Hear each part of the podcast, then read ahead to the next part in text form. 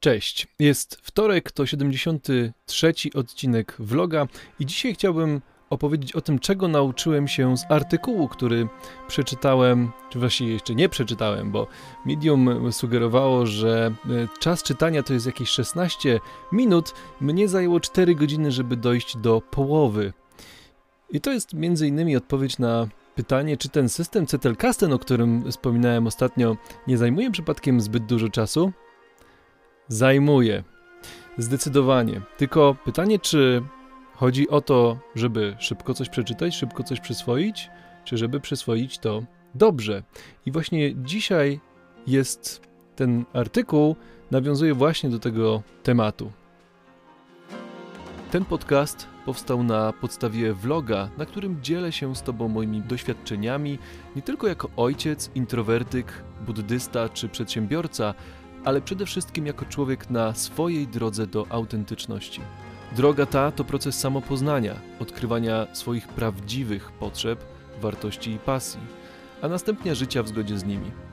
Teraz chwila na oddech i refleksję. Sprawdzimy zapasy i zaczynamy następny rozdział naszej podróży.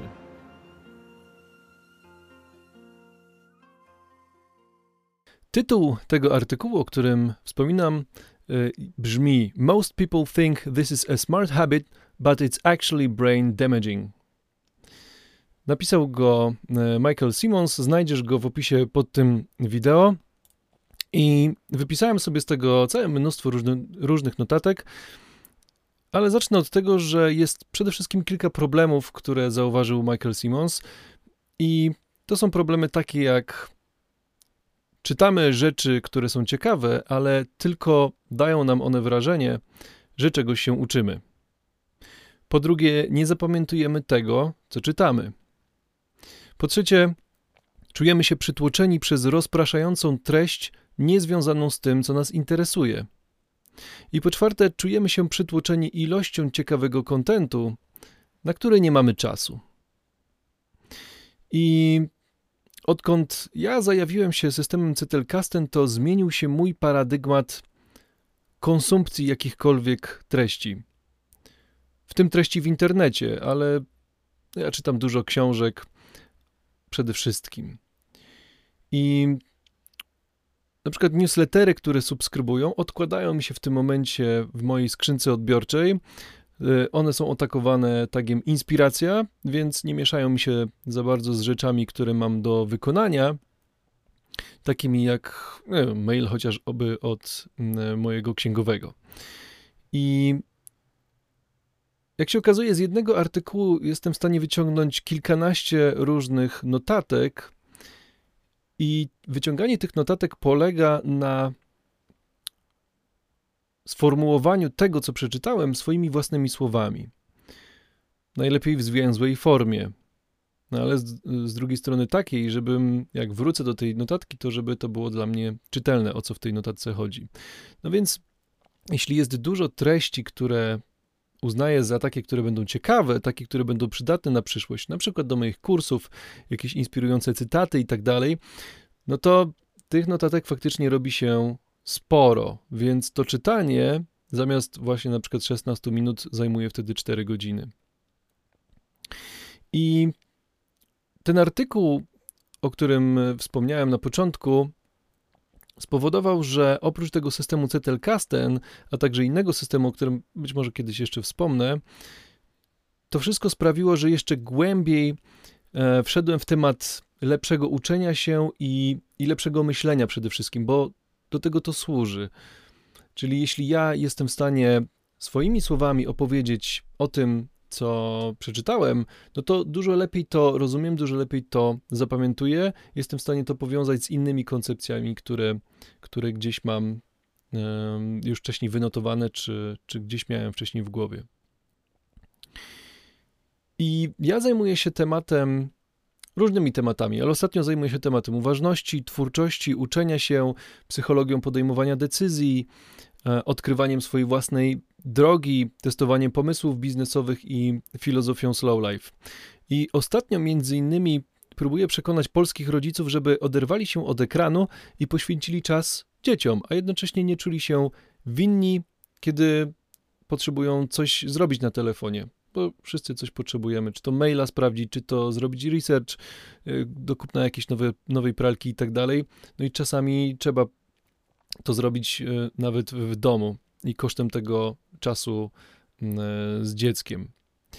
I to ta próba oderwania tych polskich rodziców od ekranu to jest właśnie taki, taki wyraz tej filozofii slow life, mniejszego pośpiechu, większej uważności, większej jakości życia, większej satysfakcji. A jednak okazuje się, że internet nam w tym nie pomaga. Jest tak zaprojektowany, żeby całą naszą uwagę pochłaniać, bo to monetyzuje. Więc internet nas w pewien sposób ogranicza. No bo są takie mechanizmy, które powodują, że nie uczymy się w sposób taki głęboki, w jaki powinniśmy się uczyć.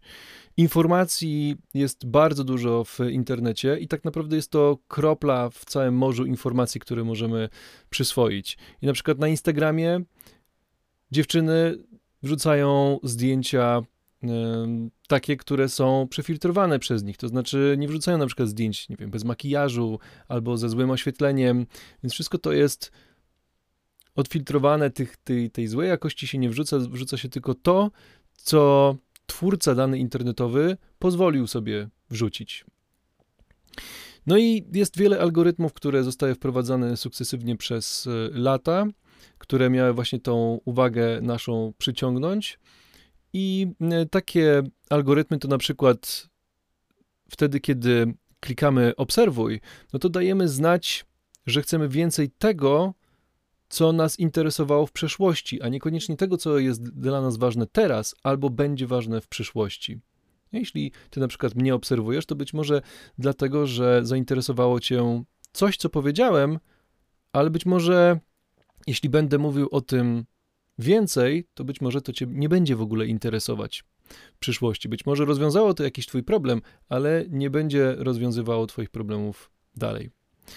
Druga tak, drugi taki algorytm to jest to, że ten newsfeed i te wszystkie wole na Instagramie, na Facebooku na przykład, pokazują te rzeczy, które dzieją się ostatnio. Nie? Najnowsze rzeczy, te, które były w ciągu ostatnich 24 godzin, więc promowane są te, które są najświeższe informacje, a niekoniecznie te, które są najistotniejsze, najlepszej jakości. No, trzeci taki mm, mechanizm to jest to nieskończone przewijanie, że scrollujesz, scrollujesz, scrollujesz, albo binge watching na Netflixie.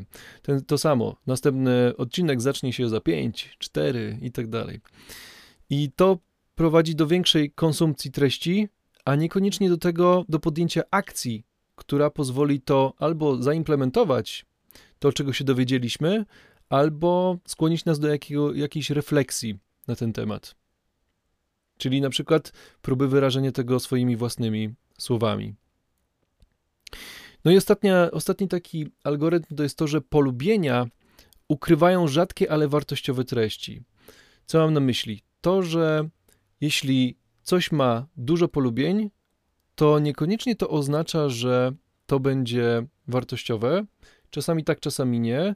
Czasami tylko pokazuje, że coś jest popularne i tym samym nakręca te spirale popularności. Czyli coś jest, tak jak się mówi o celebrytach e, niektórych, że są znani tego, że, z tego, że są znani. A często okazuje się, że treści, które są ważne dla mnie, na przykład w tym momencie, gdzieś znikają w odmętach internetu, no bo nie są tak chętnie klikane, bo są na przykład bardzo niszowe, bardzo specyficzne dla bardzo konkretnej grupy e, odbiorców, która może być stosunkowo niewielka w danym momencie, więc też nie zyskuje tej popularności. No i to powoduje właśnie, że e, te wszystkie, e, te wszystkie efekty, że słabo zapamiętujemy to, co czytamy, jesteśmy przytłoczeni przez rozpraszającą treść i tak dalej. Autor tego artykułu mówi, że jest to tak zwany infotainment albo edutainment, czyli taki informacje czy edukacja, która jest połączona z rozrywką.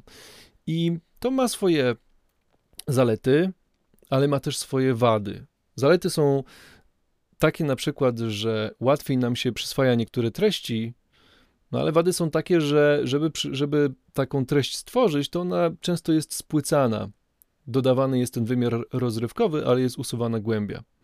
I to powoduje, że szybko klikamy, szybko przez to przechodzimy i czasami być może zapamiętujemy dzięki temu, że, że było na przykład więcej humorów to w, wplecione. Zresztą miałem o humorze w reklamie akurat temat e, mojej matury e, z polskiego. Tam był przykład kabaretu Mumio, którzy, którzy wtedy występowali w reklamach Plusa, więc oni, był tam wymiar humorystyczny, ale gdzieś ten wymiar informacyjny, edukacyjny może się przy tym gubić.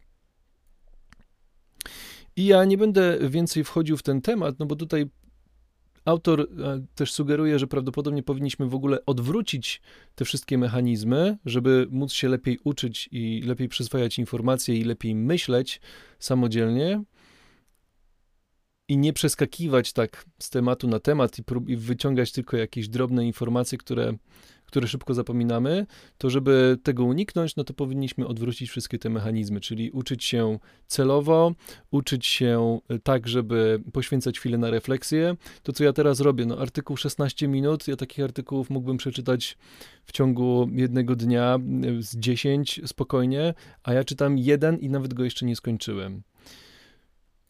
No więc jeśli jakby wniosek z tego jest taki, że jeśli chcesz czegoś się nauczyć, to najlepiej, jeśli, poświęcisz chwilę na refleksję lub podejmiesz jakąś akcję i zdobędziesz swoje własne doświadczenie.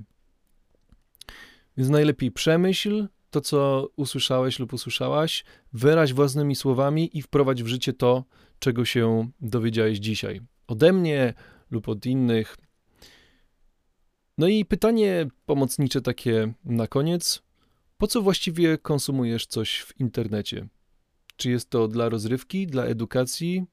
Czy potrzebujesz zebrać informacje, przykład o tej pralce? Czy jeśli łączysz te rzeczy ze sobą, czyli korzystasz z takiego infotainment czy edutainment typu, nie wiem, jakiś podcast albo, albo chociaż TED Talks, które, które też mają taki wymiar bardziej E, właśnie rozrywkowy często, to czy robisz to świadomie?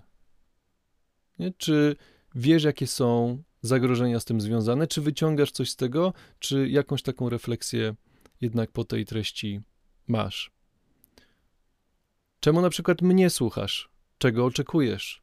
Czego potrzebujesz w tym momencie i czy, i czy ja ci to daję? Możesz napisać oczywiście w komentarzu pod spodem, e, no bo z kolei to, czego ja potrzebuję przy tworzeniu takich treści, to jest informacja zwrotna, czy to w ogóle do ciebie jakkolwiek przemawia i trafia. A jeśli nie masz czasu na to, no bo właśnie ktoś zasugerował, że w takim razie ten system Cytelcastem to jest strasznie dużo czasu będzie zajmował. No ale jeśli nie masz tego czasu, no to może warto odsubskrybować się z różnych źródeł. Może warto przestać śledzić tych twórców, którzy zużywają naszą uwagę, a tak naprawdę dają może mało wartościowe te treści, mało unikalne. Może nie dowiadujesz się niczego nowego, albo jest to, przy, jest to bardzo dużo drobnych detali, czy nieistotnych detali przytłacza i zaciemnia jakby ten główny przekaz, który idzie, czy powinien, czy ciebie interesuje w tej konkretnej treści. I to tyle by było na, e, z takich pytań do refleksji na dzisiaj. I życzę oczywiście dobrego dnia i do zobaczenia jutro, pojutrze. Cześć. Dziękuję Ci za wysłuchanie odcinka. Jeśli spodobał Ci się i chcesz mi pomóc rozwijać dalej ten kanał, możesz postawić mi symboliczną kawkę. Link znajdziesz w opisie. Możesz też skomentować ten odcinek lub podać dalej. Może ktoś tego potrzebuje. Zawsze też możesz napisać do mnie na czytam wszystko małpa michałkukla.pl. Życzę dobrego dnia. Do usłyszenia.